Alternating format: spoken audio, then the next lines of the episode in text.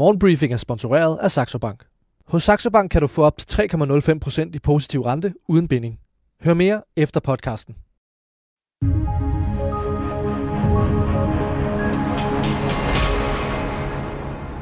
Godmorgen, det er blevet mandag igen. Den 9. oktober er det, og her kommer dit daglige overblik over de største historier fra erhvervsmedierne i ind- og udland hen over weekenden. Der er vækst på programmet i dag, og skibsfart og svinebønder. Velkommen til Morgenbriefing. Jeg hedder Sofie Rud. Men først til Israel. I løbet af aften og natten fortsatte de historisk voldsomme kampe i Israel og på Gazastriben, hvor Israel officielt søndag erklærede krig mod Hamas-bevægelsen.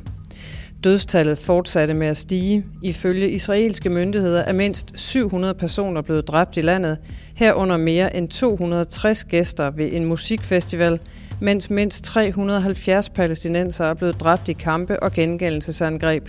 Det skrev flere internationale medier søndag aften og nat. Et ukendt antal personer i Israel er desuden taget som gisler af Hamas. USA meddelte søndag, at man flytter seks hangarskibe til det østlige Middelhav og udvider sine jægerflyeskadiller i regionen. Herhjemme kaldte statsminister Mette Frederiksen Hamas' angreb på Israel for, citat, et fuldstændig utilgiveligt overgreb på civile, og derfor er vi rigtig mange lande, som tager skarp afstand og fordømmer handlingerne fra Hamas, sagde Frederiksen, som desuden kaldte Hamas for en terrororganisation.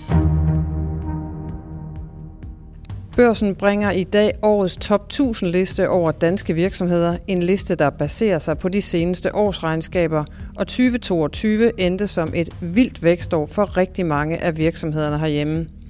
Krisen, som mange frygtede, er ikke kommet nu, og man spørger sig selv, om den overhovedet kommer. I forbindelse med Top 1000-listen har børsen talt med den nye Carlsberg-topchef Jakob Aarup Andersen om, hvordan han vil indfri vækstambitioner, samtidig med, at han skal forholde sig til en geopolitisk uro og et udefrakommende pres på selskabet i en tid med store dilemmaer. Aarup Andersen siger, der kommer til at være massive dilemmaer de næste 10-20 år. Du kan læse hvilke hos børsen lige nu. Og så er der optræk til radikale forandringer hos Danish Crown, skriver Finans i dag. Konkurrenceevnen er i bund, og de seneste år har Danish Crowns svinekødsafregning til andelshaverne været 2,05 kroner lavere per kilo end det vægtede gennemsnit af europæiske konkurrenter, som Danish Crown måler sig imod. Derfor samles en lang række af selskabets største svineproducenter nu til stormøde for at kræve radikale ændringer i selskabet, både på måden man afregner på og på selskabets struktur. Vores dør står vidt åben, forsikrer Danish Crowns formand over for mediet. Fra svin til skibsfart, for historier om chikane, mobning og krænkelser på danske skibe har længe floreret i offentligheden. Nu viser en ny undersøgelse, at der er store udfordringer på danske fragtskibe især. Det beskriver Søfartsstyrelsen i en ny rapport. 17 procent af respondenterne svarer, at de har oplevet mobning på deres arbejdsplads, mens ca. 11 procent har været udsat for chikane. Det sker ifølge undersøgelsen især på fragtskibe, som sejler langfart, og det er i høj grad unge søfarende og søfarende med kort erfaring til søs, det går ud over. Erhvervsminister Morten Bødskov udtaler i en pressemeddelelse, at citat, det her er fuldstændig uacceptabelt, og jeg er ærligt talt overrasket over omfanget, det skriver børsen. Tilbage på land stiller det hybride arbejdsliv nye krav til kontorlandskabet. Børsen har været på besøg hos to virksomheder, PFA og Telia, som har gjort op med de klassiske skrivebordspladser. Det sker, fordi danskerne ikke er vendt tilbage til kontorerne i samme grad som før coronaen. Ofte arbejder man i stedet hjemmefra en dag eller to om ugen. Og det er ud fra den logik, at de to virksomheder har taget et opgør med det klassiske kontorlandskab og de faste pladser ved skrivebordene, hos Telia er der i dag kun 0,6 skrivebord per medarbejder. Israels FN-ambassadør Gilad Erdan beskyldte søndag aften Hamas-bevægelsen for krigsforbrydelser. Den militante palæstinensiske gruppe indledte lørdag morgen et storstilet angreb mod Israel, som jeg nævnte lige før, hvor tusindvis af raketter fløj ind over grænsen fra Gaza mod Israel. Gilad Erdan sagde ifølge Reuters, den tid, hvor man forsøgte at tale fornuft med disse barbarer, er slut. Nu er tiden inde til at udslette Hamas' terrorinfrastruktur fuldkommen og fjerne det, så den slags grusomheder aldrig kan begås igen, sagde han. Aktierne i USA lagde fredag ud med nye tunge fald, men de opførte siden et flot comeback til et solidt plus.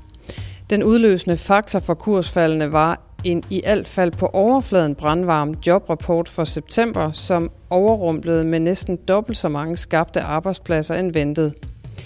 S&P 500, der ellers var i minus tidligt, vandt derfor 1,2 procent, mens Dow Jones blev løftet med 0,9 procent, og Nasdaq gik mest op med 1,6 procent.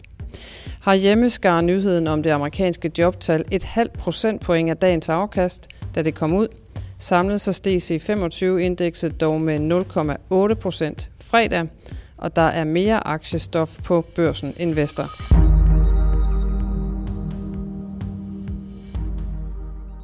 Redningsplanen for SAS er emnet i den seneste udgave af podcasten Korridon og Co., hvor børsens chefredaktør Bjarne Korridon og luftfartsjournalist Erik Eisenberg blandt andet gennemgår de fire aktører i den nye investorkreds bag redningsplanen. Her taler de to om den helt store kanin i investorhatten, nemlig den danske investor og milliardær Henrik Lind. Henrik Lind, dansk, dansk investor, er der nogen, der har forstået dagsordenen bag det? Øh, det var i hvert fald en stor overraskelse. Ja. Altså, manden er jo meget rig efter at have skabt og solgt danske commodities, og mm. penge skal jo arbejde. Han har investeret i øh, blandt andet Molslinjen og solgt sig ud af det igen. Det er ikke fuldstændig fremmed for ham at gøre sådan noget her, mm. men øh, det var en overraskelse. Han har ikke ville uddybe det. Øh, Henrik Lind har det princip, at han ikke udtaler sig om sine investeringer i Lind Invest, og det kan mm. vi jo ikke tvinge ham til. Nej. Så vi har prøvet at spørge ham, hvorfor gjorde du det her, men det vil han ikke rigtig svare på. Nej. Og, og din, dit gæt er det en finansiel investering, eller er det sådan en, en national strategisk investering? Eller? Det forbliver et gæt. Det forbliver et øh, gæt. men jeg tror et eller andet sted, at, at, at, at alle, der har penge, og så skal have, altså, tjene penge på deres penge, jo også ud over bare afkastet, godt kunne tænke sig, det, det er et almindeligt, almindeligt menneskeligt behov, og, og, og se sig selv beskrevet i omverdenen som nogen, der har gjort noget godt. Og mm. vi er ikke fuldstændig udelukke, at det spiller en lille rolle her. Nej.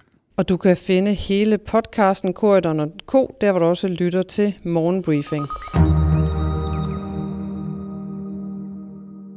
Inden jeg runder af for i dag, så skal jeg lige rette en fejl fra Morgenbriefing i fredags. Her sagde jeg, at tøjgiganten bestseller ifølge virksomhedens årsrapport på det, der hedder Scope 3, udleder hele 30% mere CO2 end året før. Det var en fejl. Bestseller udleder 30% mere end 2018, som er baseline for den måling.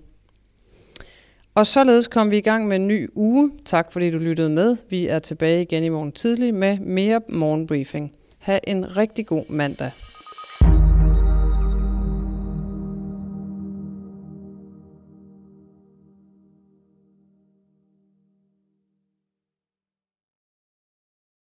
Morgenbriefing var sponsoreret af Saxo Bank. Ved du, hvor dine penge helst vil være? Hos Saxo Bank kan du få op til 3,05% i positiv rente med en investeringskonto. Det er gratis at oprette, og kontoen er uden gebyr eller binding, så du altid kan investere eller trække dine penge ud. Kom i gang allerede i dag på saxobank.dk.